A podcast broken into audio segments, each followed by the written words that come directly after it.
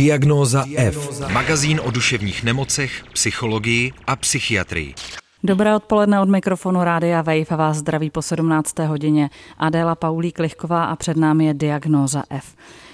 Když si člověk kouše nechty anebo si škrábe obličej, tak si říká možná většina lidí, že je to vlastně jenom nějaký obyčejný zlozvyk a že stačí s tím jednoduše přestat. Jsou ale lidé, kterým se to nedaří. Právě o tomhle tématu si budu v dnešní diagnoze F povídat se dvěma dámami a jsou rovnou ve dvou městech. Tady naproti mě ve studiu sedí Antonie Nová. Dobrý den. Dobrý den, já moc děkuji za pozvání. A v brněnské kontribuční budce v Českém rozhlasu sedí Kristýna Jiroutová. Dobrý den, Kristýno. Dobrý den, taky děkuji za pozvání. Dámy, eh, vy jste se ozvali na výzvu v jedné facebookové skupině, že máte zkušenost s něčím, čemu se říká dermatilománie. Antonie, můžete vysvětlit, co je dermatilománie? Uh, no, to není úplně jakoby lehký úkol, um, respektive takhle jedná se teda o nějakou formu uh, poškozování kůže obsesivně, ať už přesně, jak jste zmínila, uh, můžou to být nechty, může to být jakoby strhávání si kůže z nechtů, nebo naopak vlastně nípání, uh, akné, škrábání. Eh, zároveň, jakoby jenom co se týče jakoby té diagnózy samotné, tak to s ní vlastně není úplně jakoby jasný, jestli vlastně patří víc eh, k obsesivně kompulzivní poruše eh, nebo k závislosti. Není to úplně diagnosticky jako rozlišený podle vás? No, ze svého vlastního průzkumu jsem vlastně zjistila, že stále je to takový jako vlastně mezi. Obracím se na Kristýnu do Brna. Kristýno, vy studujete psychologii. Mm, Znáte tuhle tu diagnózu i teda samozřejmě z vlastní zkušenosti. Eh, vnímáte to víc jako eh, obsedantně kompulzivní chování, anebo je to podle vás také jako závislost? To, co řekla Antonie, vlastně dává smysl. Teď se ale trochu obrátím vlastně na diagnostický manuál, který vyšel teď nově, americký DSM-5. Eh, a tento vidí jako obsedantně kompulzivní poruchu. Eh, ale samozřejmě záleží, jak to každý vnímá. Pokud to je prostě pro někoho závislost, tak je úplně jedno, kde je co napsaný. A prostě je to pro něj závislost a tečka. Ale je to vlastně vnímáno jako eh, obsedantně kompulzivní porucha, kvůli tomu, že tam je vlastně ta kompulze. Ta potřeba furt si hnípat ten obličej třeba, něco strhávat. Jo, ten akt, ta kompulze toho něco dělat tak to je tam to hlavní, eh, kvůli čemu je to diagnostikovaný jako obsedantně kompulzivní porucha. Mě zaujalo, že když jsme se připravovali na dnešní rozhovor, já jsem se vás obou postupně ptala, eh, v čem spočívá právě to, ta vaše dermatilománie. Tak obě dvě jste použili slovo hnípání. Eh, Kristýno, co je ten váš problém, nebo s čím vy se potýkáte v rámci dermatilománie? Eh, tak u mě to začalo teda eh, nějakým jako kousáním nechtů nebo strhávání kůžičky kolem nechtů, ale když mluvím o hnípání, tak mluvím jako o hnípání eh, kůže na převážně na pleti a na rukou. Jsou to třeba nějaké jako stroupky nebo třeba i nějaké jako pupínky, které vlastně ani nejsou pupínky, je to prostě jenom nějaký jako výrůstek na pleti, který by sám za chvilku zmizel. Ale tím, že si to vlastně hnípu, tak eh, dojde vlastně k poškození té pleti a dojde následně ke tvorbě jako jizvám a zánětům, takže vzniknou nové pupínky a tím vznikne nový hnípání, takový začarovaný kruh. Kdy to začalo? Vy jste zmínila kousání nechtů, tak v jakém roce, v jakém věku eh, to bylo vaše téma? Začalo být? Mm, to kousání nechtů začalo už asi někdy ve třech letech, eh, když jsem dělala sportovně eh, gymnastiku docela hodně často a jako eh, hodně jsem trénovala a potřebovala jsem být nejlepší, tak tam si myslím, že začalo to moje kousání nechtů z té potřeby dokonalosti a z toho nějakého stresu. Obracím se tady v Praze na Antonii a ptám se vás na to stejné. V čem vaše dermatolmánie spočívá?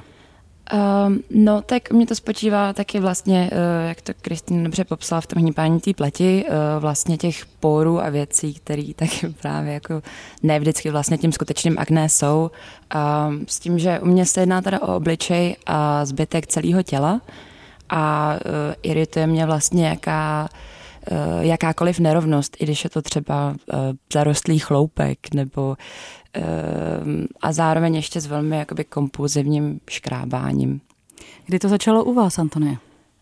Um, těžko říct. Uh, já určitě to nějak mm, bylo jako formovaný v pubertě, kdy já jsem tehdy skutečně uh, s akné jako těžkým uh, jsem se potýkala, ale uh, taky velmi souhlasím s tím, co řekla Kristýna, uh, vlastně ten uh, nějaký vnější tlak uh, té dokonalosti, uh, ten jsem rozhodně jakoby vlastně taky cítila velký a um, už vlastně od hrozně úzkého věku uh, jsem ohledně svého vzhledu byla úzkostlivá. Ať už vlastně to bylo díky um, třeba jako hodně kritickému otci, tak vlastně i um, šikaně, kterou jsem, který jsem čelila na základní škole. Takže vlastně i ten jako vzhled uh, byl nějaký způsob, jakým já jsem se s tím jako vyrovnávala, respektive jsem si myslela, že když jako budu uh, co nejvíc jako vypadat co nejvíc dokonale, tak vlastně ty děti se na mě nebudou moc co najít, vlastně za co se mi jako uh, smát nebo nebudou mít ten terč. A ta snaha o tu dokonalost vedla tedy k tomu, že jste začala odstraňovat ty v vozovkách nedokonalosti? Uh, jo, určitě z části uh, takhle nějak to jako vzniklo. Vy jste se uh, obě dvě, kromě toho, že se potkáváte v dnešní diagnoze F, tak jste se potkali taky ve facebookové skupině, uh, která, kam můžou právě přicházet lidé s podobným problémem. Antonie, jsou tam uh, častěji ženy, anebo je to problém, i který se týká mužů? Um, no, um, z mý zkušenosti já jsem tam teda zatím žádný příspěvek od muže nezaregistrovala. A musím přiznat, že sama vlastně předtím, než jsem sem šla, tak jsem nad tím přemýšlela. Um, protože i vlastně um, jako na internetu, co třeba i ze zahraničí a tak, tak vlastně nikdy jsem se zatím s žádnou jakoby mužskou spovědí nebo řekněme jako reakcí úplně nesetkala. Um, Nemyslím si, že to je tak, že by to byla jenom výhradně e, ženská záležitost, ale myslím si, že ten společenský tlak e, na tu ženu e, ohledně vlastně toho jejího vzhledu je v tomhle, si myslím, tvrdší. Mě by zajímalo, jestli se vlastně za tohleto chování třeba stydíte, nebo jestli, jestli je to něco, co skrýváte. Pomyslně se obracím teďka na Kristýnu do Brna. Uh, Jo, a směju se tomu, protože uh, to je vlastně uh, hrozně velký téma. A uh, je to něco, co vlastně mě a myslím si, že i většinu osob, co tady tím trpí, provází každý den. Že to je vlastně ta hlavní příčina toho, proč vlastně nám to, nám, nás to ovlivňuje i jako ve společenském životě a i naše jako psychické vnímání sami sebe. Protože vlastně je to něco, co si děláme sami a víme, že nám to jako škodí ale zároveň s tím jako nejde přestat. A potom se na sebe podíváme do toho zrcadla a vidíme, jak jsme jako celý rozhnípaný a vidíme ty jizvy a všechno. A dojde nám, že si za to vlastně můžeme sami. A já osobně, teda myslím si, že nejsem jediná, ale stydím se za to strašně moc. Hlavně proto, že už prostě je mi 25 uh, a furt se cítím, že mám pleť jako puberták, ale vlastně mm, jako vím, že se za to můžu sama, i když to není úplně jako celkově jako moje vina, ale uh, stydím se, že vlastně s tím nemůžu přestat a nemůžu s tím jako něco dělat. A všechny holky kolem mě mají tu pleť jako krásnou a všechno. A, a já se, já to vlastně musím skrývat pod hrozně moc jako make-upu třeba, aby jsem se cítila hezky. Antonie přikivuje, když mluvíte. Co vy na to?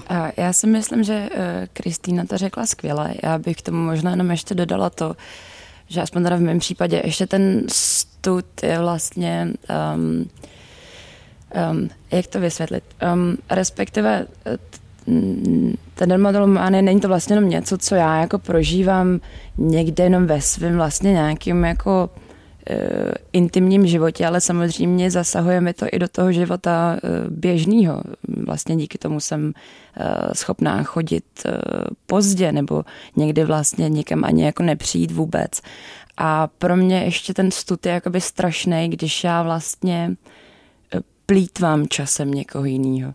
Třeba uh, příklad, uh, kamarádka mě přišla jako navštívit a já jsem prostě se zasekla na zrcadle, který mám na chodbě a nemohla jsem přestat a byla vlastně jsem jí tam nechala jako 10 minut na mrazu, což pro mě jako byla úplně jako hrozná vlastně věc, že, že to najednou uh, ten problém mm, ovlivňuje i moje okolí. Jak na to vlastně, Antonie, eh, vaše okolí reaguje? Co na to třeba kamarádka v tu chvíli řekla? Um, Tak ona eh, je jakoby velmi chápavá. Myslím si, že úplně asi nevěděla konkrétně o čem mluvím, nebo myslím si, že eh, ne každý úplně rozumí tý jako hloubce, že většinou je to takový jako, se to trošku zahraje do autu, jako no jo, no já si taky někdy jako e, roznípám, nebo no jo, no tak e, Antonie, e, že, že většinou to třeba jako přejde v nějaký vtip, e, ale e, e, myslím si, že většina lidí vlastně moc úplně netuší, o čem mluvím, nebo naopak vlastně to vidí jako nějaký jenom jako triviální e, kosmetický problém. Kristýno, kolikrát jste třeba v životě slyšela, že toho máte prostě nechat?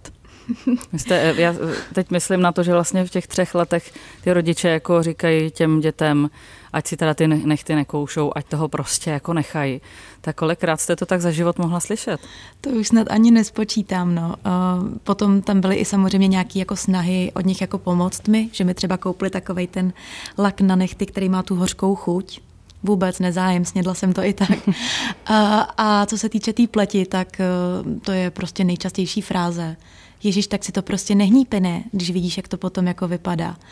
A mm, když jsem se snažila tím lidem jako vysvětlit, že to není jen tak, že jako je to dermatilománie a že se jedná o skutečnou poruchu, tak uh, stejně um, jako to nevnímají jako poruchu, stejně prostě to říkají tak, že uh, uh, prostě jenom eh, si to hnípáš, protože tě to baví, nebo protože já nevím co a nevidí v tom jako skutečný problém. Jo, a to je podle mě jako velká věc u té dermatilomány, že o tom hrozně moc lidí neví. A když už to někomu řekneme, tak to vnímají buď jako vtip, anebo na to řeknou přesně, jak říkala Antonie, jo, já si taky občas ten, uh, ten pupínek jako rozhnípu a potom jsem celá rudá. No jo, ale v tom je trochu rozdíl, jestli prostě jednou za měsíc si rozhnípu nějaký pupínek, anebo jestli prostě trávím nad tou pletí a kůží několik hodin denně. Jo, takže, takže tak. A když mluvíme o tom, eh, že je to vlastně porucha, je to nějak jako stabilní ten, ten, ta potřeba se nípat, škrábat, kousat, a nebo se to objevuje v nějakých vlnách, v návaznosti třeba na stres, který zažíváte, nebo na počasí, nebo na čemkoliv jiném? Kristýno. Hmm, tak eh, u mě je to hodně spojený se stresem. Třeba jsem eh, vyskoumala, když jsem ještě bydlela u rodičů, když se hádali, tak já jsem se prostě zavřela do koupelny a tam jsem se začala hnípat. Tam byl prostě ten můj svět, já jsem nevnímala, co dělají oni, já jsem jenom vnímala tu svoji pleť. Takže to bylo takový pro mě jako útočiště, kdy jsem v takovém jako tranzu a až potom, co skončím s tím hnípáním, se na sebe podívám a dojde mi, co jsem zase provedla. Uh, hodně je to teda u mě spojený s tím stresem. Uh, vyskoumala jsem, že třeba i když jako piju alkohol, tak mám hodně okousaný ráno ty nechty. On totiž alkohol zvyšuje vlastně stresový hormon kortizol tak eh, tím prostě, jak jsem v tom stresu, tak si hodně koušu ty nechty, nebo když potom přijdu domů z toho vína, tak si hodně tu pleť rozhnípu.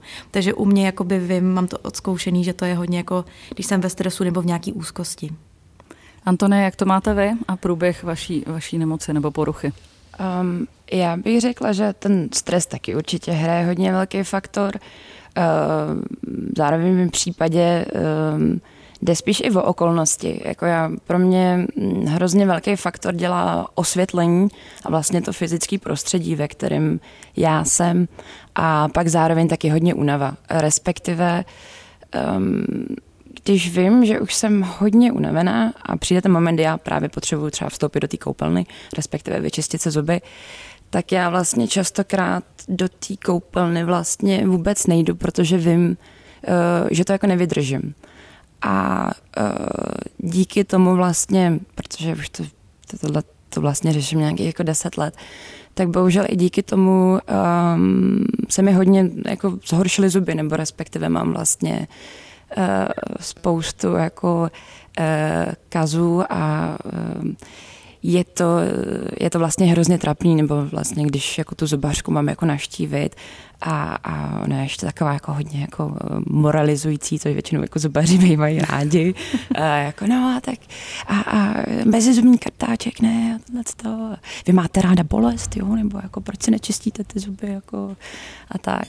Tak v tom je to občas takový trošku um, jako smutný. Uh, já se hodně snažím vlastně poslední roky soustředit na to vlastně vytvořit si ty, eh, snaž, jako přizpůsobit se to prostředí tak, abych uh, uh, vlastně jako snížila tu šanci. Třeba teď jsem jako zjistila, že mi hodně pomáhá, když se ty zuby čistím ve sprše, když jsem vlastně od toho um, od toho zrcadla. Ještě by mě zajímalo, než se pustíme eh, do tématu, co vám třeba pomáhá nebo naopak eh, velmi nepomáhá v tomhle tématu, jestli vlastně je to součást taky nějaký vaší identity, jestli se považujete za v úvozovkách dermatilomanky, anebo jestli je to prostě jenom něco, co vám komplikuje život.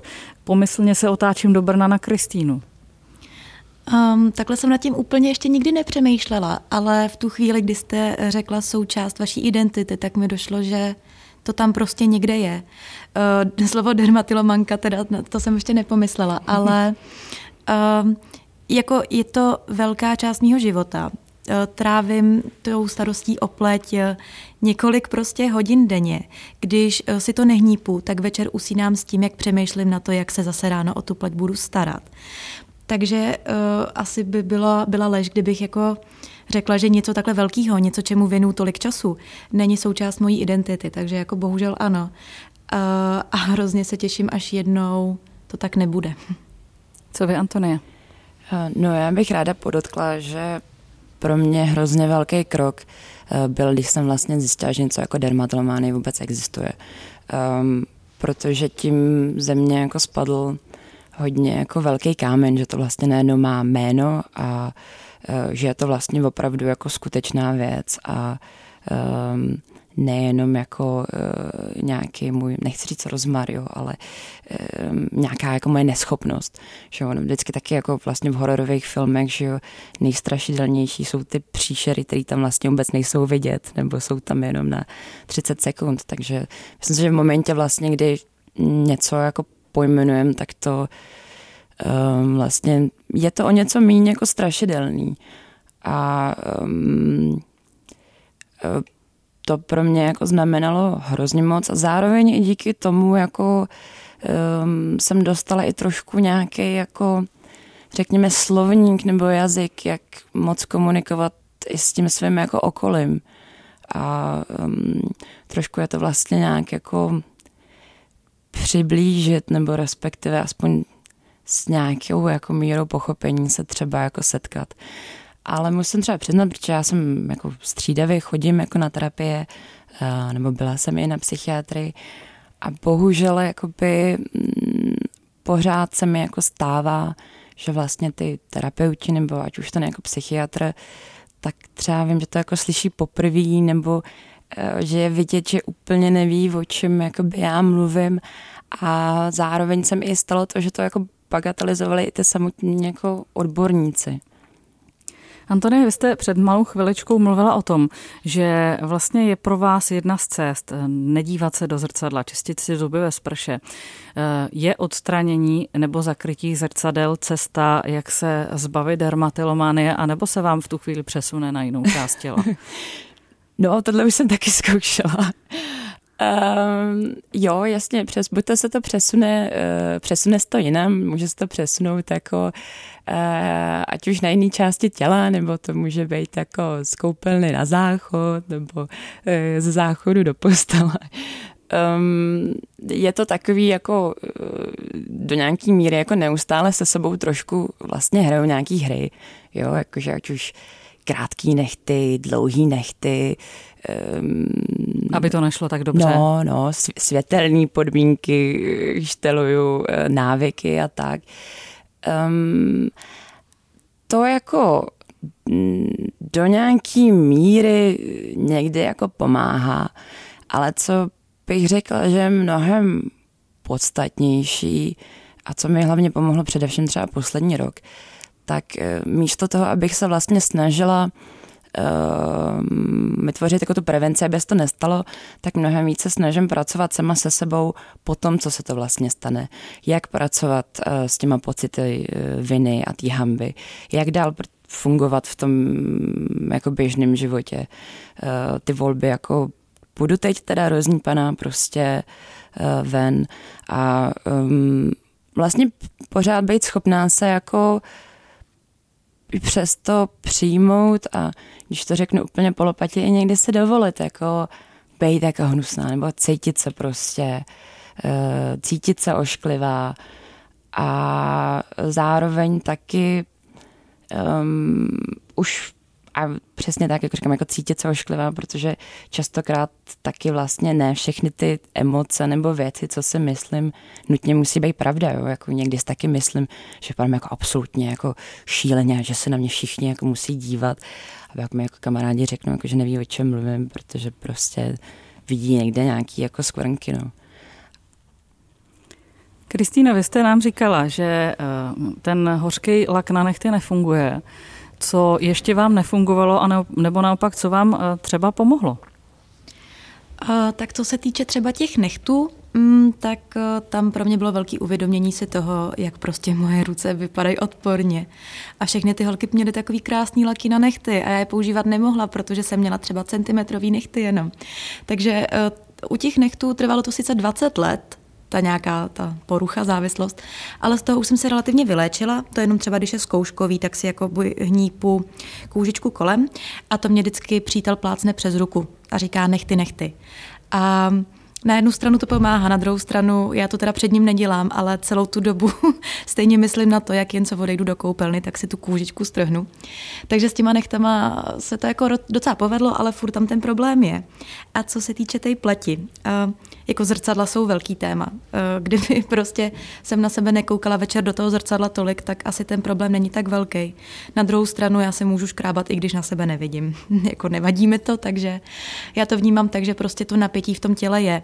A pokud se nedostane ven tady tím způsobem, tak se dostane ven jinak. E, proto vlastně se teď snažím pracovat e, nějak jako s tou svojí vlastní úzkostí, s nějakým jako napětím, celkově jako sama se sebou, se, s, e, s emocema, aby se dostávaly ven jinak, než přes tu dermatillománii. Kristýno, co vliv sociálních sítí? Vnímáte, že třeba tím, že jsou Instagramy a ostatní sociální sítě a tak se tam tak jako filtrujeme a prezentujeme, že to třeba vám škodí? Jo, já tady ty lidi přestávám sledovat. to já jsem se naučila asi před rokem a dávám vždycky, když vidím eh, jak je někdo třeba na dovolené, když já nemůžu jet, nebo jak má právě přesně tu dokonalou pleť a upravuje se v těch filtrech, tak dávám unfollow hned, protože prostě mi to nedělá dobře na to psychické zdraví. Takže tady to už jsem se naučila a spíš naopak sleduju tam právě ty holky, které o té pleti mluví a který tam dávají uh, ty fotky uh, nenamalované pleti, toho akné, toho, jak vypadají, když se roznípou. Takže u mě už tady ten problém není, ale taky bylo těžké si uvědomit, že uh, ty sociální sítě na mě mají velký vliv, a potom, co jsem si to uvědomila, tak už jsem se s tím naučila pracovat. Ale dokážu si představit, že to je pro lidi velký problém, dokud neví, že ty sociální sítě vlastně jim způsobují často deprese, úzkosti. Antonie, co vy a sociální sítě? Eh, no, já to mám podobně, já z toho taky hodně kurátoruju, eh, ten obsah. Zároveň si ale myslím, že eh, společnost se jakoby o něco posunula, jako nějakých těch 10, já nevím, 13 let zpátky, kdy jsem byla v tom jako nejzranitelnějším nějakým náctiletým věku, tak tehdy si jako ženy ani nemohly dovolit mít pory. A teď jako velký značky prostě kosmetický mají modelky, které skutečně uh, ty problémy jako mají. A myslím si, že to hodně mění, jako je to velký rozdíl. Jako tehdy bych si taky nedokázala představit, že třeba, nevím, i youtubeři uh, budou jako akné mít a tak. A Eh, nebo vlastně eh, to jako ukazovat. Takže jako mě třeba tohle to jako hodně pomáhá. Myslím si, že ten progres je hodně velký a zároveň si myslím, že je podle mě vidím generační rozdíl um, vlastně dneska v těch jako mladých ženách nebo lidech obecně a uh, myslím si, že jsou v tomhle o něco víc jako srovnanější. Samozřejmě ty výzvy mají zase jiný, ale ten rozdíl vidím velký. Tak dáme, vy jste se uh, přihlásili do diagnoze F na tu výzvu, která se objevila v té facebookové skupině. Uh, chceme zveřejnit název té facebookové skupiny, aby třeba lidi, kteří nás poslouchají, říkají si, jo, to je moje téma, se mohli s vámi také propojit a využít třeba ten své pomocný potenciál. Zatím koukám na Antony, protože na Kristýnu nevidím. Eh, určitě, jako je to velmi, myslím, podporující a sympatická skupina. Jmenuje se na Facebooku Ruce pryč a um, velmi ji doporučuji a uh, je podle mě hrozně podstatný vědět, že na to člověk uh, není sám. Říká Antonie Nová, poprosím o poslední komentář Kristýnu Jiroutovou z Brna.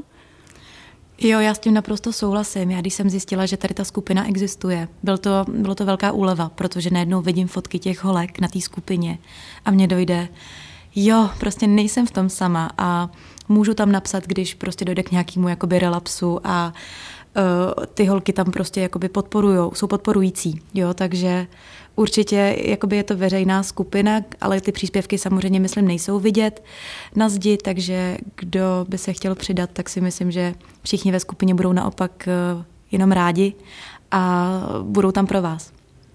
Eh, Kristýno, díky za tenhle komentář. Eh, vám i Antony velmi děkuji za to, že jste přišli do diagnozy F a přeju vám, eh, ať se vám dobře daří a samozřejmě taky našim posluchačům, pokud mají pocit, že je to jejich téma, tak aby našli tu správnou pomoc. Díky moc krát, mějte se hezky naslyšenou. Taky děkuji, naslyšenou. Díky moc, nashledanou. Potřebuješ duševní oporu? Všechno spraví náš podcast. Poslouchej Diagnozu F kdykoliv a kdekoliv. Více na wave.cz lomeno podcasty. Partnerem tohoto pořadu jste vy, posluchači Českého rozhlasu. Už sto let vysíláme díky vám. Děkujeme.